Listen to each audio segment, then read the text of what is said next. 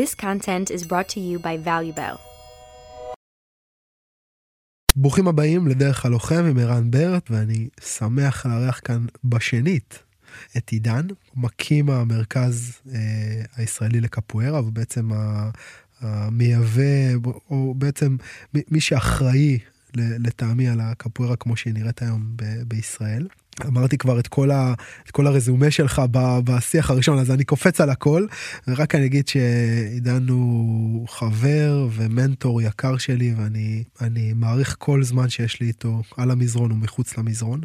אה, עידן אחראי על יצירה של אה, יצירה חינוך אימון אה, התוויית הדרך לדורות רבים של מדריכים מאוד מאוד איכותיים, של מאמנים מאוד מאוד איכותיים, של ראשי מרכזים וקהילות אה, בתחום הלחימה.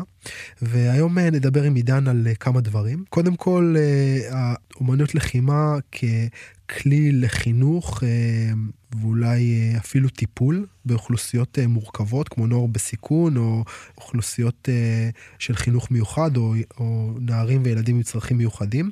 והאם הכלי הזה הוא כלי אפקטיבי ויעיל אה, האם אנחנו רוצים לגשת לאוכלוסייה שרגילה אולי לדבר דרך, אה, דרך הגוף ולהציע להם אומנות לחימה ככלי שיאפשר להם לייצר איזושהי ונטילציה או עבודה פנימית? האם זה משהו שהוא אפשרי? האם זה לא רק אה, wishful thinking? לכבוד הסטודיו החדש של עידן ברעננה נדבר טיפה על איזשהו דיסוננס שיש למורים לאומנויות לחימה. האם אני כמורה יכול להתקיים בכבוד, אה, לפרנס משפחה מתוך אה, עבודה של הוראת לחימה? האם אין פה קונטרסט לזה שהוראה ו... ואימון של אומנויות לחימה אמור להיות משהו שהוא מעבר לכסף, מעבר למשהו אה, חומרי כל כך? האם אני יכול להתקיים מהוראת לחימה? האם זה לא משהו שהוא מנפה המון מאוד אנשים מהיכולת שלהם להתקיים ולעסוק בתחום? אה, איך מנהלים מועדון, איך חיים מהדבר הזה, איך אה, מנהיגים קהילה וגם אה, לוקחים מהם כסף בסוף, ה, בסוף החודש. אה, אני חושב שזה סוגיה שהמון מורים ומדריכים נתקלים בה. אה, התלבטנו אם להעלות את הסוגיה הזאת או לא, ואני חושב שזה במקום לכל האנשים שכן עוסקים בתחום. אומנויות לחימה ואיך בוחרים בעצם את הטכניקה או את הטכניקות שבהם אנחנו מתעסקים, איך אה, בוחרים בין אה, לעסוק בדברים אפקטיביים ומתקדמים לבין לעסוק בדברים שהם המסורת או הלחם והחמאה של האומנות שלנו, איך אני מבין בכלל כמדריך מה אני מכניס לתוך הסילבוס שלי ומה אני לא מכניס לתוך הסילבוס שלי, על מה אני עובד עם החניכים שלי ועל מה אני לא עובד עם החניכים שלי, מה בסיסי מדי או מה מתקדם מדי. עידן אה, מבחינתי הוא אחת האוטוריטות על, על מתודיקה והוראה ו, ואנחנו קצת נתלבט בתוך הסוגיה הזו שגם המון אה, מאמנים ומדריכים בתחילת דרכם אה, נתקלים בה, אולי גם לא בתחילת דרכם. וקצת לקינוח נדבר אה, טיפה על אס בשרוול, איך לוחמים בזירת ה-MMA, אפילו בזירות אחרות, מכניסים איזשהו אס לשרוול, איך בוחרים את הטכניקה הזאת שאולי יכולה לשנות קרב, אולי יכולה לעשות הבדל בתוך קרב. איך אני בוחר טכניקה כזאת, מה הזמן שאני משקיע במשהו כזה לעומת אה, ביחס לנקודה הקודמת לעבוד על הלחם והחמאה שלי. אה, אולי ניתן את, ה, את הקרב של אה, מה-UFC האחרון, שקרה פה באמצע ינואר אה, של אה, ג'יגה וקאטר, אז, אז ניתן את הקרב הזה כדוגמה לאיך איזה סוג של אס בשרוול, או איזושהי מתודיקת עבודה מסוימת, או יצירה של לוחם עם תכונות מסוימות, איך משהו כזה יכול להשפיע על קרב. ובטח השיחה תלך לעוד כל מיני מקומות, נכון? אוס. אז אני שמח מאוד שאתה כאן. עוד פעם. תודה רבה, כיף. אוס, איזה כיף.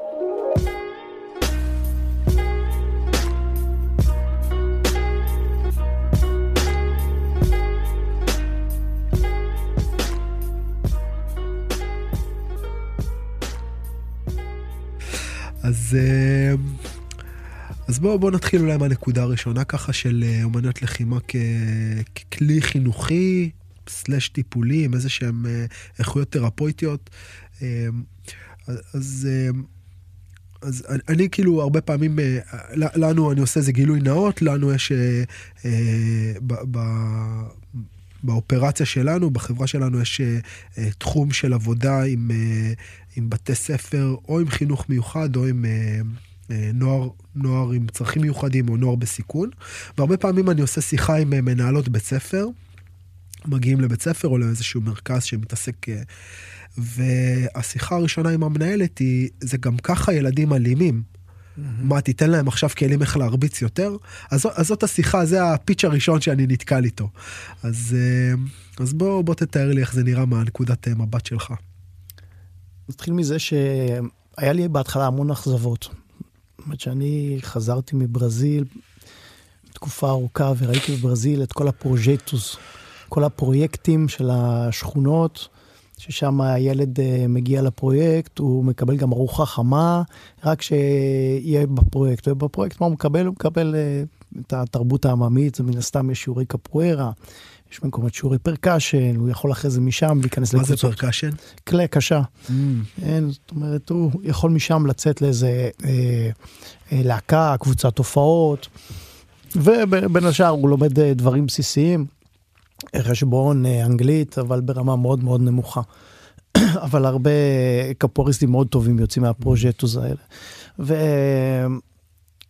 וכאילו, בואו נצרף לזה את הסרט אה, Only the Strong. אה, שמי שלא זוכר, איפשהו בתחילת שנות ה-90 יצא ועזר מאוד לה, אה, להפצה של הקפוארה. אני, ש... לא, אני לא, לא מכיר את הסרט לא הזה. לא מכיר, זה לא. מאוד, מאוד מומלץ, אה, זה חייל מרינס, חוזר מדרום אמריקה, למד קפוארה. והוא חוזר לבית ספר שבו הוא גדל, ולהפתעתו הכל זה גנגס, הכל זה סוחרי סמים. ו... והוא נכנס לשם בתור איזה מורה מחליף ומתחיל uh, לעשות סדר. Uh, ויוצר לו איזה קבוצת נוער בסיכון כזאת שהוא מקבל עליו ומאמן אותם קפוארה ועושה איתם איזה תהליך uh, uh, מדהים. אז שזה כזאת רומנטיזציה זה היה עשה mm. בשבילי uh, למקום שלי בתור uh, מורה לאומנויות לחימה. Uh, וישר uh, הרמתי את הכפפה והתחלתי לעשות uh, מעין פרויקטים כאלה או לאמץ פשוט אה, אה, נערים שהיו זקוקים לזה, ולהכניס אותם אצלי לסטודיו ואליי הביתה, ולהשקיע בהם את כל הנשמה ואת הכל. והיה לזה, כן, היה לזה הם, הם, תוצאות מאוד מאכזבות מבחינתי. Mm. ממש ממש מאכזבות, והבעיה לא הייתה בהם. בסופו של דבר אני מבין שהבעיה הייתה בי. כי אני יצרתי לעצמי איזה פנטזיה בראש, שאותו בחור מינימום יהפך למורה לאומניות לחימה. זאת אומרת, נתתי לו את כל כולי. התאמן כל יום, כל היום, ולפעמים הציפיות שלנו זה לא בדיוק הציפיות שלהם. ו... ו... ואז uh, מאוד התאכזבתי. Uh, uh, זה גם כן נושא שאפשר לדבר עליו, על, ה... על, ה... על המדריך שמתאכזב מהתלמיד. Mm. כי זה קורה המון. המון, כי הוא מצפה, בתור מדריך אתה מצפה שיהיה לך פולוור לכל החיים. בכל אופן, בתור מדריך צעיר בשנות ה-20 לחיי, ציפיתי שאני נותן לו עכשיו את הכל, ו... והוא איתי צמוד אליי forever. וזה לא בהכרח חלק מהציפיות שלו. והפונקציה שאתה ממלא בשבילו זה בתוך, ה... בתוך החלום שלו, אתה ממלא איזושהי פונקציה. ו... ולקח לי הרבה זמן להבין את התפקיד שלי, שהמקום שלי זה באמת אה, לתת, וכשאתה נותן, אתה נותן דבר ראשון כי אתה מאוד רצית לתת. Mm. ואתה יודע, כל, כל אותם נערים, יותר משהם ביקשו, באמת אני רציתי. אתה מכיר את זה? אתה מגיע עם איזשהו חלום כזה, או איזשהו, איזושהי תפיסה של איך הדברים צריכים uh, להיות. כן. גם למול התלמידים שלך. כן, ואנחנו בתוך קהילת המדריכים, אני רואה המון מדריכים שמאוכזבים מהתלמידים שלהם. אתה מכיר את זה? הוא לא אומר לי שלום, הוא לא עשה לי ככה, הוא לא יודע מה, הוא נעלם פתאום, ו, וזה יוצר אכזבה. וכאילו, כשאתה רואה את המשוואה של כמה השקעת וכמה נתת, אז כאילו זה נשמע מאוד הגיוני. אנחנו מדברים אה, לפעמים בקורסי מדריכים, אתה מעביר את הקורס הזה של, אה, של הדרכת ילדים, ואז תמיד אתה נותן את הדוגמה של המורה ג'ודו, שמעלה את התלמיד שלו תחרות ראשונה, ואז הוא הוא מפסיד, הוא ילד בן עשר כזה והוא מפסיד. הלוואי בן עשר, בן ארבע. ואז הוא לא עושה מה שהמדריך חושב שצריך לעשות, ו... ואתה רואה את התסכול ואת האכזבה על הפנים של המדריך. והרבה פעמים אני חושב שזה איזשהו, אמ, בעצם כשאנחנו מלמדים תלמידים, אז הרבה פעמים זה קצת אה, כמו הילדים שלנו במובן מסוים, שגם שם אנחנו עושים את הטעות הזאת, כן, של אה, איזשהו extension של האגו שלך או של האני שלך. ממש ככה. אה, אתה מצפה, ציפיות, אתה, כן, אתה בדיוק. מצפה מהילד שלך מה שאתה מצפה מעצמך. כן, אני למול הילד שלי כל הזמן בשאלה לגבי זה, כאילו כמה אני אומר, אני הייתי ככה, ולכן אני גם מצפה שאתה תהיה ככה, ממש. ולמול ההבנה שבעצם הילד הזה הוא... יש לו ציפיות משלו, יש לו מטרות משלו, ואנחנו עדיין לא יודעים אותם בדיוק, והוא בונה אותם, רק, הוא רק בונה אותם. אז, אז זהו, אז, אז לקח לי זמן, ואתה יודע מה, מה החזיר אותי, נת, כאילו, מתוך האכזבה הזאת, מה... ש- שאמרתי שאני לא עובד יותר עם נערים כאלה, ו, ולא משקיע את כל כולי באף אחד, מה החזיר אותי חזרה אחורה? שפגשתי את אותם נערים שנים אחרי זה, עשור או עשורים אחר כך. והם קפצו עליי וחיבקו אותי, ואמרו לי, אתה שינית לי את החיים. ואני מבחינתי, הם אכזבו אותי בגדול, אבל הם באו ולקחו מה שהם היו צריכים באותו זמן. באותו רגע שימשתי להם משהו, איזושהי פונקציה שהם היו זקוקים לה, ואחרי זה הם המשיכו הלאה, לדברים אחרים. אבל באותו, באותו רגע כנראה הייתי מאוד משמעותי. ו... ושם זה שינה לי לגמרי את, ה... את ההשקפה. ופה זה לשני כיוונים. אחד, תעשה. אתה לא יודע איזה חותם אתה משאיר, אתה לא ברוך. בוא תיתן פינה של אור, תיתן את הכי טוב שלך, תיתן פינה של אור, אבל מה שכן, הצד השני, זה אל תיתן את כל כולך. Mm. אל תיתן את כל כולך. מה זאת אומרת לא לתת את כל כולך? כשאני מעביר שיעור אני אתן את כל כולי. אבל אני לא צריך לאמץ. כאילו זה היה על, על, על גבול אולי הכפייה. Mm. אני נותן את המסגרת של אם זה פעמיים בשבוע, או אם אתה רוצה תבוא גם שלוש. ופה זה הנקודה הזאת ש... שעוד פעם מתחבר עם הנקודה שאתה נותן מתנה, זה כי אתה רצית. רצית לתת מתנה, אתה עושה טוב לעצמך. אתה עושה באותו רגע, כשאתה נותן, אתה למעשה אתה נותן בגלל שרצית לתת, בגלל שזה עשה לך טוב. הנתינה זה אחד הדברים שעושים לנו הכי טוב בחיים. ו... ואז אני בא ואני נותן, וכמה שאנשים לוקחים, אני לא צריך להכיל ולא, וכשהם לא לוקחים, אז אני, אז הם חוסכים ממני לתת את המתנה שלי, אתה מבין? אסור לי לכעוס עליהם. כן. אני, אני, אני אגיד כמה דברים בקונטקסט הזה. קודם כל, יוצא לי עכשיו לראות, אה, אה, זה, זה בינתיים יש פרק אחד של הסדרה הזאתי, אבל אה, אה, קיבלתי עליה המלצה מאחת האימהות שהיא חלק מהקהילה ש, של התלמידים, דווקא אימא של אה, תלמידה של אשתי. אה, היא עובדת סוציאלית אה, והיא מנהלת איזשהו אה, אה, סוג של אה, הוסטל לנשים שיוצאות אה, אה, מבתי כלא וממעגל של... אה, ממעגלים מאוד מאוד קשים, הסדרה נקראת אסירות, ועוקבים בה אחרי כמה דמויות של בעצם נשים שיוצאות מבתי כלא ומנסות לחזור לתוך איזשהו מעגל של חיים. ואז אה, אה, בעצם ההבנה היא שכל מישהי כזאת, 80 אחוז מהנשים שנמצאות בתוך, אה, שמגיעות למקומות האלה של בתי כלא לנשים, הם בעצם נשים שעברו או אלימות, או אה, אה, איזה שהם... היו כבר בתוך המעגל. או, או, או איזה מקרים של, של פגיעה מינית מאוד קשה, או אלימות מאוד קשה. ואתה מבין כמה הדרך לשם היא דרך כאילו של, של מדרון חלקלק. אתה נמצא בסביבה שהיא שונה לגמרי מהסביבה כן. שאני ואתה מכירים, כן. או שרוב התלמידים כאילו במרכאות הנורמטיביים שלנו מכירים. וואנס אתה שמה ואין לך אה, אימא, אבא ששומרים עליך במקרה הלא טוב, או אימא או אבא שפוגעים בך במקרה הגרוע, ואתה בבת אחת שמה. כן. ו, ו, ואז כל המושגים שלך על החיים הם מושגים אחרים לגמרי מהמושגים שאני ואתה, כאילו, זה כאילו אנחנו מדברים בשפה אחרת בכלל. כן. אמ, ואז לדוגמה, נגיד, בית ספר שאנחנו עובדים בו, הוא, הוא בית ספר שאני נגיד נכנס לכיתה, בתוך הכיתה יש שבעה ילדים, שמונה ילדים. אה, כיתה, אה, אחד, אחד המדריכים, כאילו כן, דור, כן. דורי עובד שם, אחד החבר'ה שאנחנו אה, מכירים, ואז כיתה כזאתי של שבעה ילדים, ילדים בכיתה א', שפעם או פעמיים בשבוע מגיעה המשטרה לכיתה. ילדים בכיתה א', כן.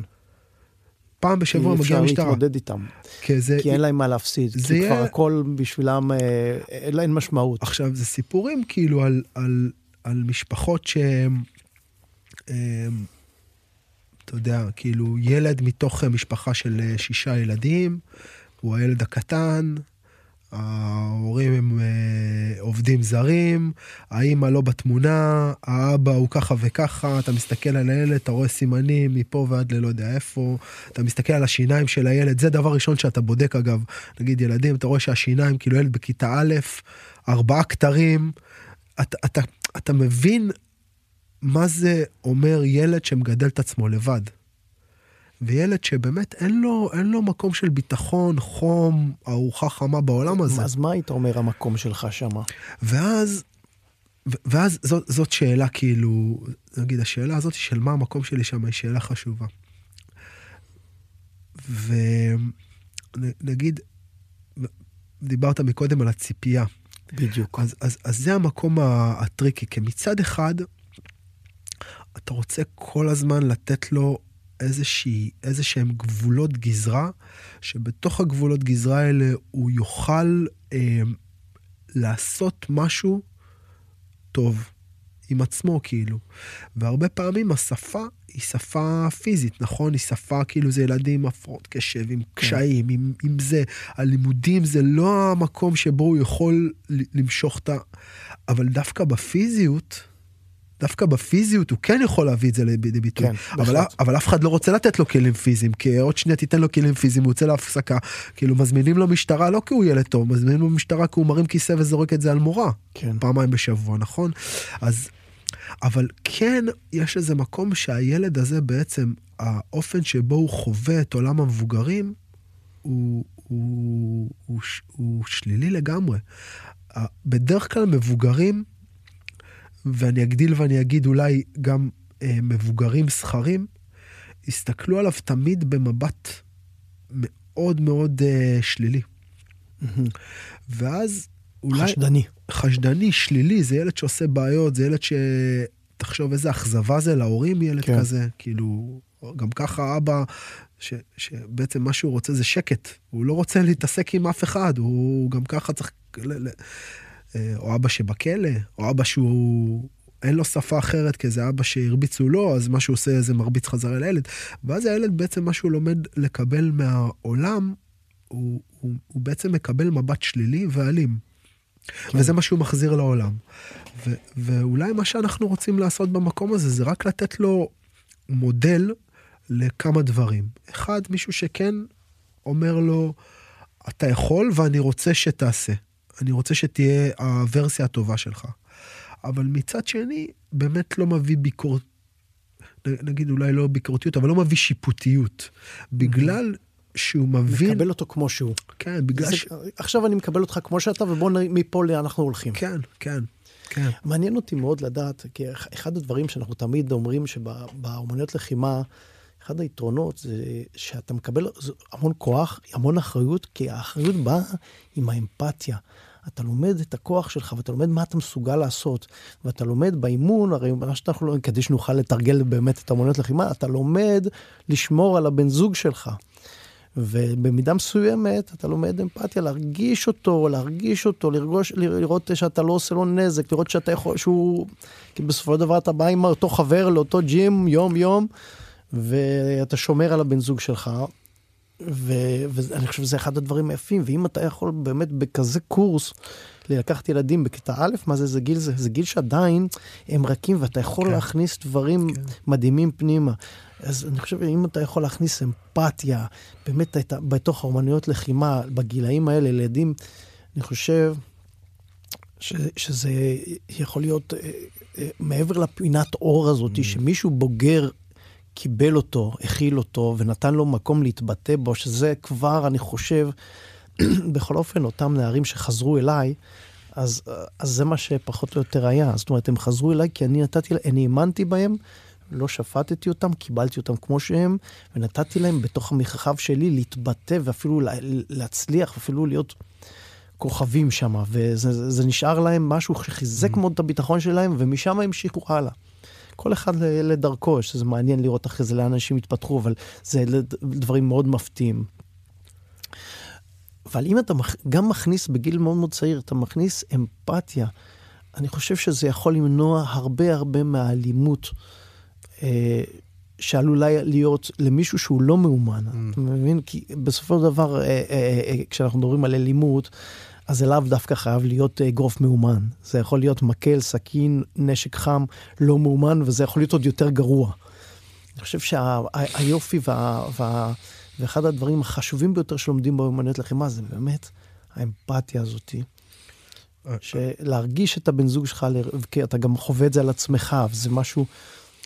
אני חושב שחלק אולי ממה שבפרויקטים מהסוג הזה, שבוא נחלק אותם לשניים, עוד פעם, ילדים בגיל שהם יותר גיל רך, או אה, בוא נקרא לזה גילאי 6 עד 10 כזה, ש...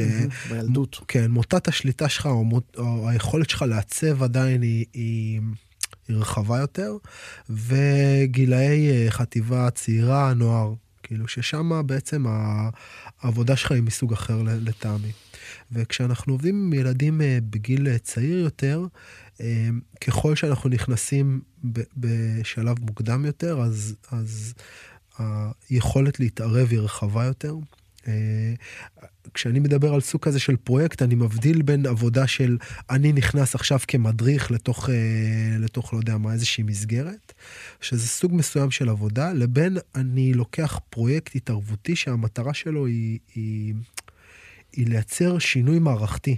וסוג כזה של פרויקט הוא לא עכשיו אני נכנס לכיתה פעם בשבוע, אני נכנס עם צוות של אנשים שמנסה לייצר שינוי גם בשפה של המערכת mm-hmm. כלפי הילדים האלה. כלומר, העבודה היא עבודה שלנו מול הילדים, אבל לא פחות שלנו מול המערכת, מול המורים, מול, ה, אה, אה, מול הסייעות, מול... אה, והכל מתחיל א' ממערכות יחסים. כי הרבה פעמים הילדים האלה זה ילדים שלא יודעים איך בכלל, קודם כל, אני, אני אגדיל ואומר, גם היום שאני, נגיד, אני, אה, אה, אה, מסגרות חינוכיות שאני עובד איתן גם היום, גם באימונים שלי, גם בבתי ספר mm-hmm. שלי, אני משקיע לפעמים בלחנך את הילדים בדברים שנראים לי טריוויאליים, אבל הם לא טריוויאליים. Mm-hmm. להסתכל בעיניים, להגיד כן. תודה, בבקשה. ללחוץ יד. ללחוץ יד, זה לא דברים שהם טריוויאליים היום. כן. אז על אחת כמה וכמה, כשאנחנו מדברים על ילדים אה, מסוג כזה, שייתכן שהפעם האחרונה שהילד הזה קיבל מבט אוהב, היא... אני לא יודע אם הוא זוכר מתי זה הפעם האחרונה שהוא קיבל מבט אוהב. ואם הוא לא קיבל מבט אוהב, אז איך הוא יכול לתת מבט אוהב? הוא לא יודע מה זה. כן. אני רוצה להחזיר אותך רגע למקום הזה באמת של הריסון של העוצמה, של הכוח שאתה רוכש באמנות לחימה. אנשים, אותם אנשים שמדמיינים את, ה, את אותו לוחם, מעביר את הידע שלו ל, לרחוב, הם לא מבינים כמה זמן ואיזה דרך לוקח בשביל לייצר את היכולות האלה. היצ... היכולות האלה של הלחימה, זה לא משהו שאתה בא לשיעור שניים ואתה נהפך לאיזה נינג'ה. זה תהליך ארוך ארוך, שצריך להיות צמוד שם לאנשים משמעותיים, למאמנים mm. רציניים מאוד. עכשיו, בתוך כל אומנות לחימה יש לה את הריטואל שלה. הריטואל בדרך כלל קשור בספורטיביות, בכבוד. זאת אומרת, אם אתה, בוא ניקח את, ודאי באומנויות לחימה האסייתיות, זה הכל מתחיל מקידה במזרון.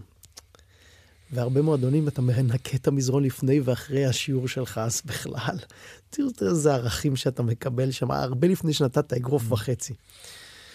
אחרי זה הקידה לבן זוג, החליפה המסודרת, ההיררכיה והכבוד בהיררכיה. זאת אומרת, הערכים שאתה סופג הרבה לפני שאתה נעשית טוב בלחימה עצמה, הם הרבה יותר משמעותיים מהנזק שאתה יכול לעשות. זאת אומרת, אתה, אתה, אתה, כשאתה למעשה נכנס למועדון, עכשיו בוא ניקח את הצד, את הצד היותר אה, ספורטיבי, אם אנחנו הולכים למועדון של אגרוף. אז גם במועדון אגרוף, אתה, אה, אה, אז אתה לא יכול להיכנס יחף, אתה צריך את הנעליים, לפעמים זה את הנעליים המיוחדות, ועם גופייה מיוחדת. זאת אומרת, אתה צריך להיכנס ל pattern שהספורט מבקש ממך, ואז יש כללים. מה שהמורה אומר, stop, אתה חייב לציית. ו... ועצם זה שאתה צריך לקבל את המרות של מאמן, של שופט, של כללים, יש כללים, לכל ספורט יש כללים, מה מותר, מה mm-hmm. אסור, יש אלף כללים באומנויות לחימה. אז ברגע שאותו נער מוכן לקבל על עצמו מסגרת וכללים, אני חושב שהוא כבר עשה איזה תהליך מאוד גדול, אולי המקום היחיד בחיים שלו, שהוא היה מוכן לקבל באמת mm. uh, מסגרת ומרות. כן, אני גם, אני גם עוד פעם חושב שהמקום הזה של modeling um, הוא כל כך משמעותי. כי רוב, ה, רוב החבר'ה האלה, עוד פעם, גם אם אנחנו מדברים על ילדים קטנים וגם עם, עם חבר'ה שהם uh, נערים, לרוב הם יפגשו זכר בוגר אה, בקונטקסט לא חיובי. או שהוא יהיה המפעיל שלו, ובדרך כלל השיח יהיה שיח של הקטנה, של כאפות, של כאילו של... אתה יודע, זה כמו, אם אנחנו מדברים עוד פעם על נוער, אה, נוער בסיכון, אז אה, זה סוג של אה, ארגון מאפיוזי כזה, שאתה צריך, כדי לטפס גבוה יותר בהיררכיה, תמיד מי שמעלה לך קצת, אה, אתה יודע, משתין למטה. Mm-hmm. אז, אז, אז בדרך כלל המודלינג שמה של זכר, בוגר, אה, בוא נקרא לזה איזשהו סוג של זכר אלפא, יהיה modeling מאוד מאוד מסוים. ומהצד השני, הצד של המערכת, בדרך כלל זה יהיה רשויות אה, אכיפה, רווחה, עוד פעם, אנשים שאתה מנסה להימנע מהם. Mm-hmm. ופתאום אתה בא, ואני חושב שרק המקום הזה של לתת איזשהו modeling שהוא מייצר נרטיב, או בעצם מאפשר עוד נרטיב. מישהו שמדבר בשפה שלהם, מישהו שהם יכולים לכבד אותו, כי אתה מגיע ממקום של... אה, של אתה, אתה, אתה מחזיק משהו, יש לך, יש לך איזה, איזה משהו שאתה מחזיק. אתה, מכבדים אותך, אבל הוא מייצר גם שיח אחר. שיח של כבוד, שיח של משמעות, שיח של איזושהי דרך מסוימת, שאם אתה תלך בה, אז אולי יהיו לך דברים מסוימים.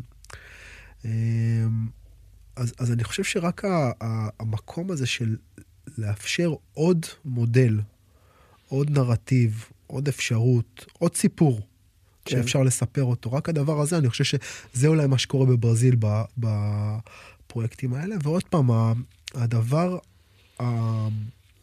הכי משמעותי פה שאני חושב שצריך להגיד, אולי זה באמת המקום של, של להימנע משיפוטיות. ואני מבחין בין ביקורת לבין שיפוטיות. ביקורת יכולה להגיד, כן. אני חושב שצריך לעשות את זה אחרת. כן. או אני מציע לך לעשות את זה אחרת. שיפוטיות זה לשים מטען, לשים פלוס או מינוס על, למה לא הצלחת לעשות את זה, כאילו. ובמקום הזה אני, אני בן אדם מאוד ביקורתי כלפי עצמי, אז, ו, ואני כל, כל הזמן עם ביקורת, אבל אני מאוד מאוד מנסה להימנע משיפוט, כאילו. אני מאוד מנסה להביא חמלה ואמפתיה ו... אני רוצה להגיד לך כמה אנשים השפיעו עליי בתחום הזה. פעם הייתי, באחד הקורסים שעשיתי בווינגייט, של מורים בכירים או לא יודע מה, הביאו בתור מרצה אורח, מרצה אורח את uh, דניס הנובר. Mm. ואני רוצה להגיד לך, כולנו שקשקנו, הנה הולך להיות רק קרבות היום וכיסוכים ולא יודע מה. והבן אדם התחיל בזה שהוא ראיין כל אחד ואמר, אתה, מה עשית טוב בשביל מדינה עם הקפוארה שלך או עם האגרוף שלך או עם ה... ופתאום כל, כל אחד אה, אה, והוא נתן לנו הרצאה, והוא סיפר על כל הפרויקטים המדהימים שהוא עושה, אם זה הפרויקט שלו באמת ב, במקלטים לנשים מוכרות, שהוא מלמד הגנה עצמית, ומחזק אותן, מנהל את הביטחון העצמי, או פרויקט, יש לו פרויקט בר מצווה לילדים עם מעוטי יכולת. זאת אומרת, המקום הזה, עורר בי מאוד. ו- ועוד קולגה שלי שהוא מתאגרף נהדר, קיקבוקסר מהטובים שהיו פה בארץ, אלדד לוי, לא יודע אם אתה מכיר, mm. באמת מהטובים. ונפגשתי איתו אחרי שנים, ואני אומר, נו, איך המועדונים ואיך הסטודיו הזה, תשמע, אני, יש לי את הפינה שלי, אני מלמד אחר הצהריים, יש לי קבוצה נהדרת, כמה קבוצות, אבל הלב שלי באמת, הוא בעבודה עם נוער בסיכון, שם זה הלב שלי.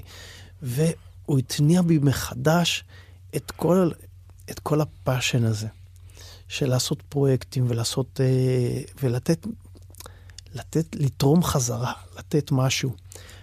כי יש לנו המון מה לתת, המון המון מה לתת. אמ, אז, אז, אז אגב, בקונטקסט הזה, אני, אני אגיד לך איך, את האבולוציה שלי, ואולי זה גם יוביל אותנו לנושא הבא. אני פעם, אה, פרויקטים כאלה מהסוג הזה, הייתי עושה בשני דרכים, או שהיו פונים אליי כל מיני ארגונים, עלם, אה, מצילה, מגדלו, יש כל מיני מקומות או רשויות מקומיות, ואז כן. הייתי מגיע, הייתי עושה את זה כמעט באיזה קוסט, כאילו. אה, ו... וזה היה דרך אחת, ודרך שנייה זה שהייתי נותן אה, מלגות ל... לילדים mm-hmm. בתוך, ה... בתוך המכון. היום אני לא עובד לא ככה ולא ככה יותר. אה, מתוך, מתוך אה, הבנה שבעצם מאוד קשה לייצר שינוי אצל אה, קבוצה כזאת במקור. כאילו, כשאתה מגיע, נגיד, לאיזה רשות מקומית כזאת, איזה, לא יודע איפה, ואתה לוקח קבוצה, בדרך כלל המתחם שאתה תעבוד בו יהיה מורכב. Mm-hmm. הילדים שאתה תעבוד איתם, הכוח שלהם כקבוצה הוא כוח שמאוד יכול... אם אחד כזה מגיע לסטודיו שלך, mm-hmm. היכולת שלו להשפיע, גם עצם זה שהוא הגיע לסביבה, בדיוק. דבר ראשון, הוא לא בבית שלו. בדיוק. הוא צריך לאמץ את הכללים של הסביבה, והסביבה אצלך בסטודיו זה סביבה שאתה בנית בשתי ידיך במשך שנים, עם אווירה מאוד מאוד מיוחדת. ואז הוא נאלץ לקבל על עצמו, כן. לגמרי אני מסכים איתך. ואז עוד פעם, הוא רואה עוד איזשהו סוג של נרטיב, ובמקום הזה הכמות היא כוח. כלומר, המקום שבו הוא נכנס לתוך אווירה מסוימת, נרטיב מסוים. אז, אז זה אחד, אבל אם אני כן, לא, אם אנחנו כן לוקחים פרויקט בבית ספר, עוד פעם, נוער, חינוך, נוער, נוער, נוער מיוחד, או נוער, נוער בסיכון, או חינוך מיוחד, או אה, כל מיני פרויקטים של שילוב למיניהם, אה, אני, אנחנו נכנסים לשם עם, עם כוח. אתה לא יכול להיכנס מדריך ולשנות, כי זה, המורכבות היא כל כך כאילו, יש שם כזאת מורכבות. ואז זה באמת עבודה לשנות גם את הנרטיב מול המערכת. כי בעצם היום, תשקיעו היום בילדים עם מורכבות כזו, בכיתה א', ב', ג', ד', תשקיעו בהם היום, אבל תשקיעו. יחסוך להשקיע, לכם הרבה בעתיד. להשקיע זה אומר להיכנס עם ארבעה אנשי צוות, זה, כן. זה, זה המון כסף. כן. ואתה יודע, זה עוד פעם, זה לא ארבעה אנשי צוות של, אוקיי, סיימת קורס מדריכים, בוא תיכנס. זה איש צוות שיש לך אחד כזה, אחד ל-20 או 30, כן. שהוא צריך לעבור הכשרה ו supervision, ועבודה, באמת, כאילו, הקנייה של כלים טיפוליים ברמת... כן. עומק. זה, זה אחד הדברים שאני ממליץ לחבר'ה שלי, זה לק... להיות איתך, לקחת איתך חלק בפרויקט. Uh, הרבה מעבר לעבודה, זה למקום ללמוד ולהתפתח הרבה. Mm. מדריך צעיר שיש לו את, ה, את, ה, את הרצון ואת הדרייב, להיות במקום של uh, עבודה עם נוער בסיכון, עם ילדים עם צרכים מיוחדים, לבוא ולהיות חלק בפרויקט הזה, הוא, דבר ראשון, הוא לומד המון. דבר ראשון, uh, אני קצת עוקב אחרי הפרויקט, והחבר'ה שלי שהולכים, מספרים לי את התהליך שהם עוברים שם, ואת החניכה. אז זה קורס בפני עצמו. זה משהו אחר. ואגב, היום, עוד פעם, זה קשה, כי נגיד, אם, עוד פעם, זה יקשר אותנו לשיחה הבאה, שיחה כאילו שהכסף מעורב בה. כי היום, נגיד, אנחנו, אני עובד בתל אביב, חבר'ה בתל אביב הם יכולים להיות, אנחנו, אנחנו כולנו כבר דור מפונק. הכסף מגיע אלינו. כן. אז אם אתה צריך עכשיו, במרכאות, ללכת ולהקיא דם, בשביל ה-150 שקל לשעה, כאילו, בבתי ספר, שזה עבודה, אתה יודע, כאילו, שאתה באמת צריך אה, להשאיר חתיכה מהכבד שלך שם, במיוחד בהתחלה. אה, ועוד פעם, אני מחבר את זה ל- it doesn't, doesn't have to be fun to be fun. זה לא fun בהתחלה, כאילו, כן. ב, ב, ב, זה לא fun. לעומת אה, ללכת ולעשות איזה שיעור לפעוט לאיזה, לאיזה מתאמנת בצפון תל אביב ולקבל את אותו כאילו כמות של כסף, אז, אז הבחירה היא בחירה קשה. אתה באמת צריך להיות מחובר לעשייה, ואתה באמת צריך לראות בעיני רוחך את התוצאה הסופית. גם את השינוי שאתה עושה, שאתה רואה ילדים שמגיעים אליך בהתחלה ולא מגיע, לא מסתכלים לך בעיניים, לא יודעים מה זה להסתכל בעיניים, לא יודעים מה זה, לא יודעים מה זה לדבר עם מבוגר דרך מבט בעיניים, לא יודעים מה זה אמפתיה, לא יודעים מה זה חום. לא יודע, ואז אתה רואה אחרי תקופה, אתה... אמון, לא יודעים מה זה אמון. לא יודעים מה זה אמון, לא יודעים לסמוך. אתה רואה ילדים, ילד בן שבע, שהוא כאילו עבריין בן 17. ערמומיות שלא תיאמן. ערמום, זה בכלל לא, אנחנו לא מכירים את זה, אתה יודע, אנחנו מגיעים עם, עם צוות של חבר'ה מתל אביב צפונה כזה. כולנו גדלנו בבתים עם, עם הורים שתמכו בנו, שנתנו לנו, שסיפקו לנו. פתאום אתה קולט ילד כזה ש... אתה רק מתחיל לשמוע את הסיפור, אתה מבין שזה לא אותו, זה לא אותה פלנטה, אנחנו לא גרים באותו מקום. כן. ו- ולעשות את השינוי עם הילד הזה, אתה קולט איך אתה מציל אותו מבית סוהר, ואיך אתה... כן. מת... אז, אבל, אבל אתה צריך אמונה. וגם, אגב, אחרי שלקחת, כאילו, כיתה, כאילו, התחלת לעבוד במשהו כזה, ואתה משחיס את היכולות שלך, את היכולות הדרכה, את היכולות האמפתיות שלך, את ה... כאילו, אם הצלחת להגיע לילד הזה, אחרי זה ביום יום שלך עם הקהל הממוצע שלך, אתה מגיע. כן, אתה תהיה סופרמן. בדיוק. אתה כאילו ב-level אחר, אז זה, באמת מתנה, אבל זה, מאוד מאוד ייחודי, כאילו, אתה יודע, זה...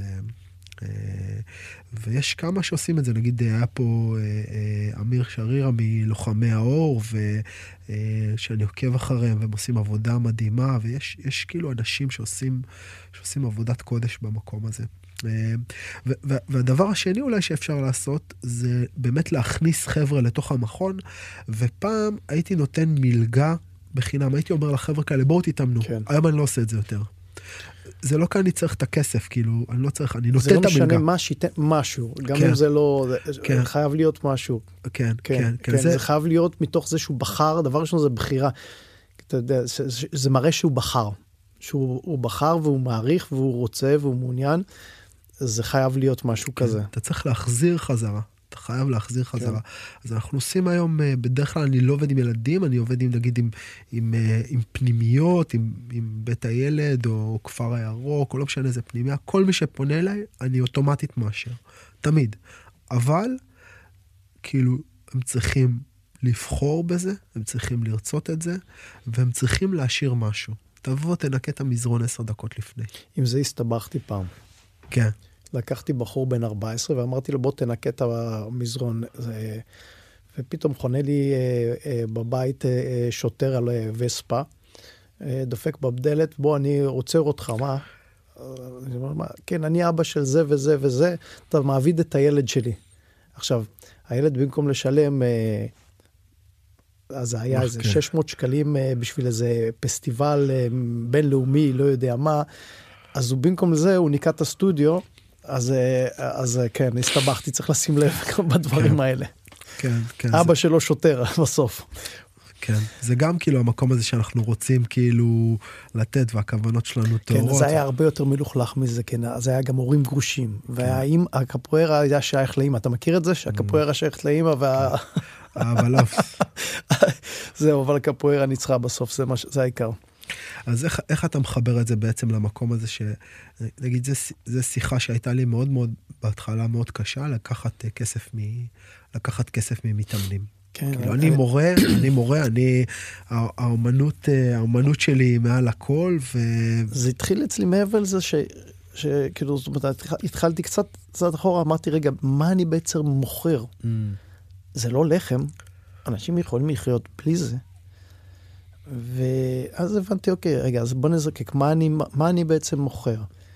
אז אני הבנתי שאני למעשה, הדבר הכי משמעותי שאני מוכר זה נשמה. זאת אומרת, זה... הנשמה הזאת נוצרת מתוך איזושהי עבודה של קהילתיות. זאת אומרת, מה שאני, הדבר הראשון הכי, כשאתה מסתכל, כשמישהו בא ומסתכל על העבודה שלי, הדבר הראשון שהוא רואה, זאת אומרת, זה כמו...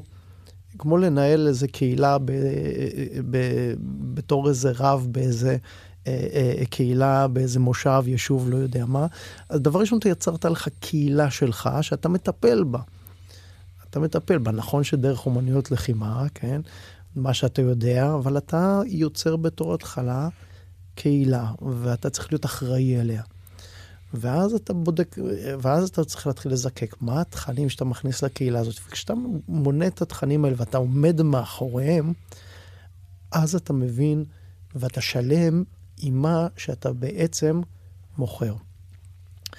ואז אתה, משם שאתה יורד לפרטים של היתרונות הפיזיים והמנטליים אה, שאתה נותן לכל אה, אה, ספורטאי וספורטאי, פלוס המעטפת של המועדון, של הקהילה, של להיות חלק, ו, ו, ולכל קהילה יש לה, אתה יודע, זה יכול להיות חקר אנתרופולוגי של כל ה... כל הריטואל ש, ש, שקיים שם מסביב, שהופך את המועדון הזה לדרך חיים, באמת, שהבן אדם אה, מגיע, אם זה פעמיים או אם זה כל יום לסטודיו, ומסדר את החיים שלו שם דרך זה.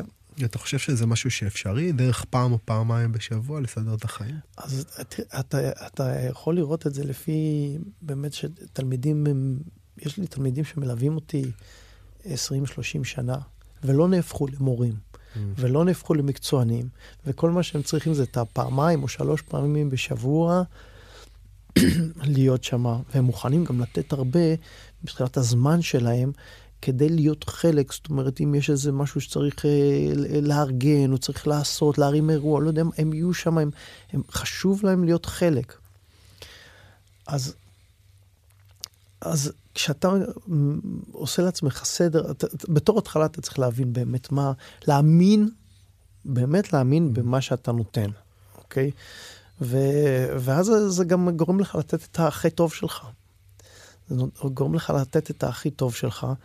אמ, ונגיד, מדריך היום צעיר, בסדר? מסיים אה, קורס, לדעתי הגיל הממוצע של אה, לסיים קורס אה, מדריכים זה איפשהו או בגילאי נוער או באמצע גילאי ה-20. נכון. משהו כזה, נכון? נכון.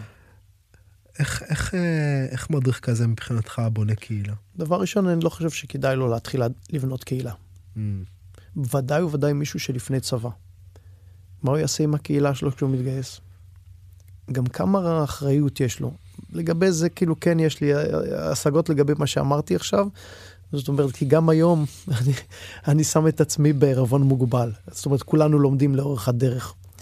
אבל, אבל אתה צריך להיות, אה, לתת המשכיות לקהילה שלך. ואני חושב שאותו מדריך שבן 17 סיים עכשיו קורס, בתור התחלה, שישתפשף, שיעשה סטאז' ארוך ומעמיק אצל המורה שלו, אצל מורה אחר שהוא מעריך, אה, ילמד איך לנהל את הקהילה הזאת. זאת אומרת, זה שקיבלת תעודת מדריך, זה נהדר, זה פנטסטי. זה אומר שתוכל לקבל ביטוח. Mm. אבל עכשיו בשביל באמת להחזיק קהילה, אתה צריך קצת משהו מעבר לזה. גם כדי להיות מסוגל לייצר תהליך ארוך טווח עם תלמיד, אתה צריך עוד קצת ללמוד. אז ההמלצה שלי היא קודם להתחיל בלהדריך בסטודיו של מישהו. ללוות אותו, אולי להיות עוזר מדריך, אולי לתפוס כמה שעות ולבקש אה, גם פידבק, אה, שיעשו לך אה, פיתוח הדרכה תוך כדי. להיכנס לסטודיו שכבר יש בו איזה, איזושהי מורשת ומשהו שכבר עובר מדור לדור, שאתה יכול לספוג שם משהו.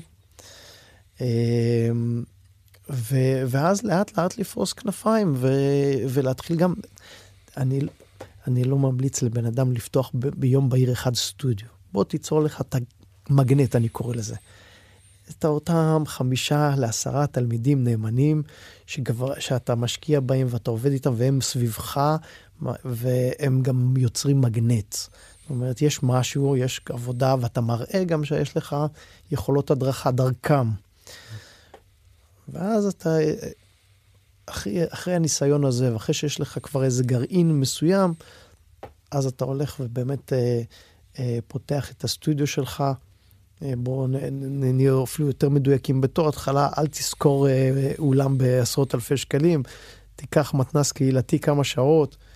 התקדמת משם יפה מאוד, ויש לך אה, אה, אה, מספיק תלמידים לפתוח סטודיו פרטי, כי זה, לפעמים אתה מגלה שאתה עובד בשביל השכירות. Mm.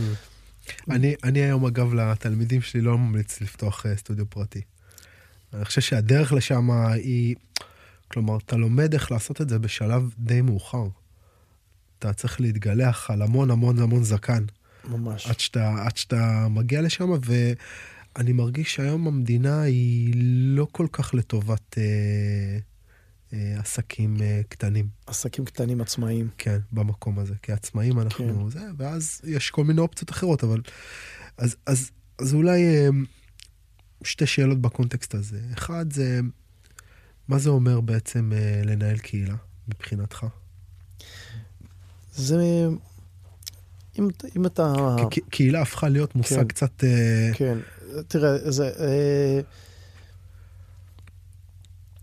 פה צריך לשים את הדברים גם בפרופורציות, זה נשמע וואו, בומבסטי, כן, אבל אה, בוא נגיד, גם הרב של הקהילה לא יושב לכל אחד בסלון, אוקיי?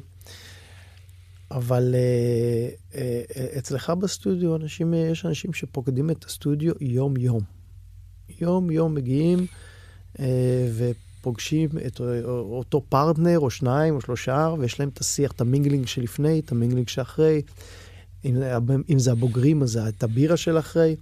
איזשהו אה, ריטואל, ואנחנו תמיד מדברים על אומנויות לחימה כדרך חיים, כדרך חיים. הדרך חיים זה לבוא ולתרגל ולהיות, פשוט לתרגל.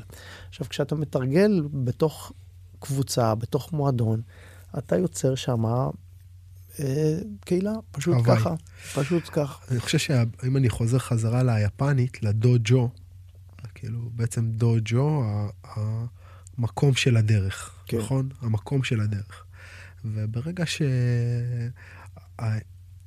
שמספר אנשים מגיעים ופוקדים את המקום של הדרך ביחד, אז בעצם נהיית דרך משותפת, נכון? זה סוג של דרך שאתה הולך בה. בדיוק. עכשיו, אתה לא חייב להיות על אותו שלב בדרך כדי ללכת בדרך. יש חלק שהם טיפה יותר קדימה, חלק שהם טיפה יותר אחורה, אבל, אבל כל עוד הדרך הזאת היא, היא, היא דרך משותפת ואתה פוקד אותה בצורה משותפת, אז... Uh, נוצרים שם קשרים שאולי קשה קצת להסביר את זה לאנשים אחרים מבחוץ. כאילו, אתה מגיע לרמות אינטימיות בתוך אומנויות לחימה שזה קצת שונה, נכון? כאילו, מ... מדברים אחרים. כן. אתה, אתה נמצא שם, א', קצת מזכיר אה, לפעמים קצת כמו את החברים שלך מהצבא. כן, שב, כן. שבתוך האינטנס אתם יצרתם, ולפעמים יום אחרי זה אתם, אין לכם יותר מה לדבר, אבל בתוך כן. המקום הזה יש לכם המון המון המון בראדרהוד כזה. כן. דיברנו מקודם uh, בשיחה שלנו עכשיו, ואני בדיוק יצאתי מבידוד, אז, uh, אז שבוע עם המשפחה בבידוד בתוך מרחב קטן, וזה כאילו יוצר לך המון רגעים, גם רגעים של קושי. נכון, אתה חווה איזה קושי משותף, אבל גם התר... אה, רגעים של, של התגברות על הקושי ואקסלריישן כזה, ועוד פעם קושי, ועוד פעם... יש איזה משהו כזה בתוך הלחימה, שזה בעצם כל הזמן נע על הסקאלה הזאת של בין קשה לי, אני צריך להתגבר, זה לא כל כך כיף, ואז זה כן כיף, ואז יש איזה אקט של התגברות, נשימה, סיום, קושי, אה, אה, כיף, ויש איזה משהו בלחוות את הדבר הזה במשותף עם אנשים, במיוחד שזה מערב איזשהו סוג של מגע פיזי שאוטומטית פותח, אה, אה, אתה יודע, ישר משחרר חומרים בתוך, ה, בתוך המוח כן. שלך. אה, והעישונים מתרחבים, אתה יודע, אתה mm-hmm. רואה את העולם mm-hmm. בצורה שונה, כאילו, ליטרלי. כן. אה, ויש איזה משהו בלחוות את זה יחד עם עוד אנשים, שזה... שזה, שזה משהו. עכשיו, אני אומר את זה, אני, המושג הזה של ניהול של קהילה הוא, הוא, הוא, הוא מושג אה, אה, מורכב עבורי. אני ביישן מטבעי, כאילו קשה לי... תראה, בתור התחלה לנהל, לנהל קהילה, אתה, אתה ברגע שנתת את הבית, mm. אתה כבר השמש, אוקיי? בדיוק. אתה כבר השמש. אתה מעביר גם את השיעור, אתה נותן את הדרשה, אז זאת אומרת, אתה גם אתה גם שם במקום ש, של הרב. עכשיו, זה שאתה, שאתה צנוע ושאתה ביישן, זה נהדר, זה דברים שאתה מעביר לקהילה שלך, ואני חושב שזה משפיע מאוד על ההוויה בתוך הקהילה. כן, וגם, אתה יודע, הרבה, נגיד היום אני מסתכל באמת על תלמידים שלי בתוך המכון שלי, לא משנה אם זה, אתה יודע, אה, כאילו כל, כל מיני חבר'ה, חלקם אנחנו מכירים, והם, והם עושים את זה היום הרבה יותר טוב ממני, ואני מסתכל מהצד ואני אומר, וואו, איזה יופי, כאילו, מה, מה קורה פה? כאילו, אני גם, אני גם רוצה להיות חלק מה, מהקהילה הזאת. ו... אז, אז, אז, אז זה כן, כאילו, עוד פעם, לפעמים המושג הזה, קהילה, הוא מושג כאילו שהוא... אה, הוא כאילו גדול, ולפעמים הד, הדבר פשוט קורה בגלל שהוא קורה. כאילו, ו, ובאמת צריך איזשהו זמן, כאילו, ומיילג' לדבר הזה, פשוט כדי שהוא יקרה. כן. עכשיו, גם בתוך קהילה יש מעגלים. קהילה זה לא רק, זה לא דבר אחד, זה לא מקשה אחת. יש מעגלים שונים, יש מעגלים מסביב של כאלה שהגיעו שיעור ראשון, או שמגיעים פעם בשבוע, והם בתוך מעגלים שונים. יש מעגל יותר קרוב למורה, יש את המעגל הממש צמוד למורה. אז יש המון מעגלים שונים שמרכיבים מה זה קהילה. זה לא דבר אחד, מישהו יכול לדמיין אה, אה, קהילה כמשהו בומבסטי, שמשהו שמדביק את כל האנשים. לא, בתוך הקהילה יש הרבה מעגלים שונים. אז בעצם זה שאתה פותח את הדוג'ו שלך ואתה נותן את הדרשה שלך, ואנשים פוקדים את הדוג'ו, חלקם יום-יום וחלקם פעם בשבוע, אתה נותן להם אה, בית, אתה נותן להם מקום. אז אפשר לחיות מזה?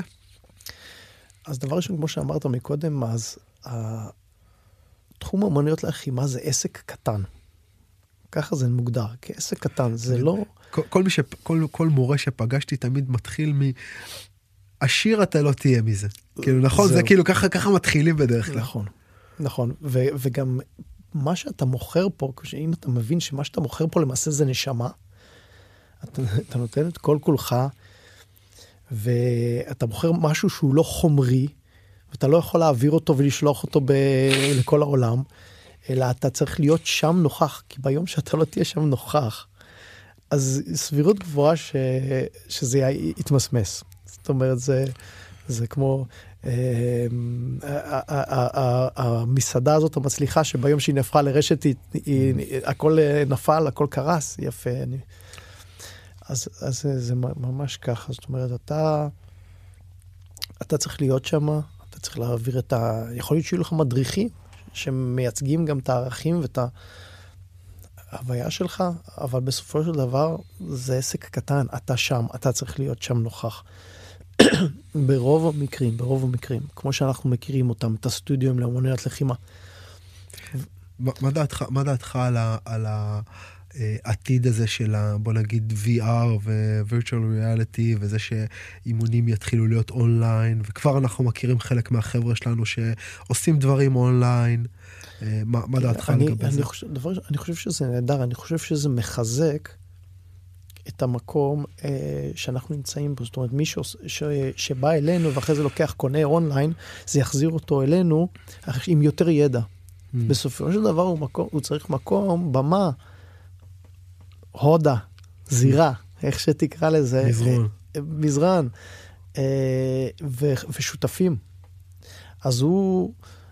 זה, זה, זה, זה נהדר, אתה יודע, אני, אני קורא לזה שלושת עמודי התווך, אני חושב שדיברתי על זה ב, אולי בשיחה הקודמת, שלושת עמודי התווך של האומן לחימה, אז הראשון זה, זה הדוג'ו.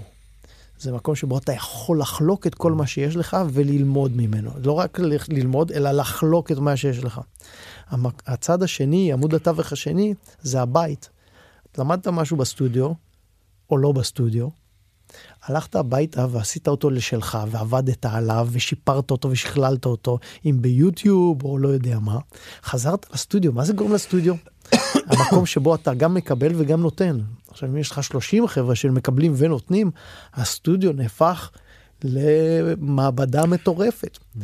והמקום השלישי, אני קורא לזה, אם יש את, את הבית, הסטודיו, את הסטודיו ואת הבית, והמקום השלישי זה העולם.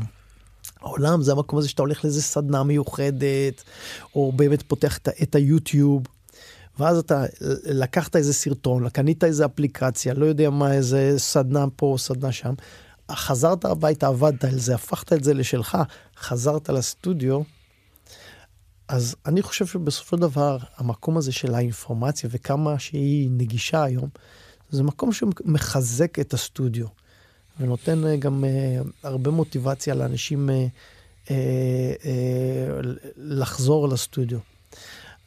המקום הזה של אה, הולך ופוחת הדור בגלל כל הטכנולוגיה, אני לא יודע לגבי זה, אני מסתכל על התלמידים שלי, הם יותר טובים משנה לשנה. הם יותר טובים משנה לשנה. אני מאוד טועה מה חסר, זאת אומרת, אני חושב על זה, כל השני, אה, שנות ילדות שלי, ששיחקתי בחצר, עם חברים כל יום מארבע, והלכנו מכות, וכשלא היה כפפות אגרוף היינו שמים סמרטוטים על הידיים. ושיחקנו כדורגל עם, אה, עם איזה סמרטוט גם כן שגלגלנו, והמצאנו משחקים בלי סוף, ולמדתי מזה המון, והיום אין את זה. אבל בכל זאת, אני מסתכל על הבן שלי והוא הוא השדרוג. הוא הוורסיה הטובה שלך. הוורסיה הטובה יותר. זאת אומרת, אז, זאת אומרת, ב, ב, בסופו של דבר, אני, משהו כנראה חסר שם, אני עוד לא יודע בדיוק להצביע מה זה. אבל uh, בסופו של דבר כל הים האינפורמציה הזה, היא כן, זה, זה בא לידי ביטוי בתוצאות בשטח, אם זה. אפילו ברמה של המזרון, אתה, זאת אומרת לוחם, אה, אם אנחנו בעולם של הג'ו-ג'יצו, לא, לוחם ג'ו-ג'יצו ש, אה, של היום, הוא, יש לו ידע עשרות מונים מזה שלפני 30 שנה, אין בכלל מה להשוות. פשוט אין מה להשוות. וגם uh, בעולם נגיד של האגרוף שאין כל כך הרבה מהלכים כמו שיש בג'ו-ג'יצו מבחינה תנועתית, גם אני מסתכל היום, יש לך כל כך הרבה אינפורמציה uh, uh, באינטרנט, שמי שהיום הולך ללמוד אגרוף לומד הרבה הרבה יותר uh, אצל כל מורה פשוט. Mm. זה, זה תמיד ויכוח, זה ויכוח שיש לי עם... Uh...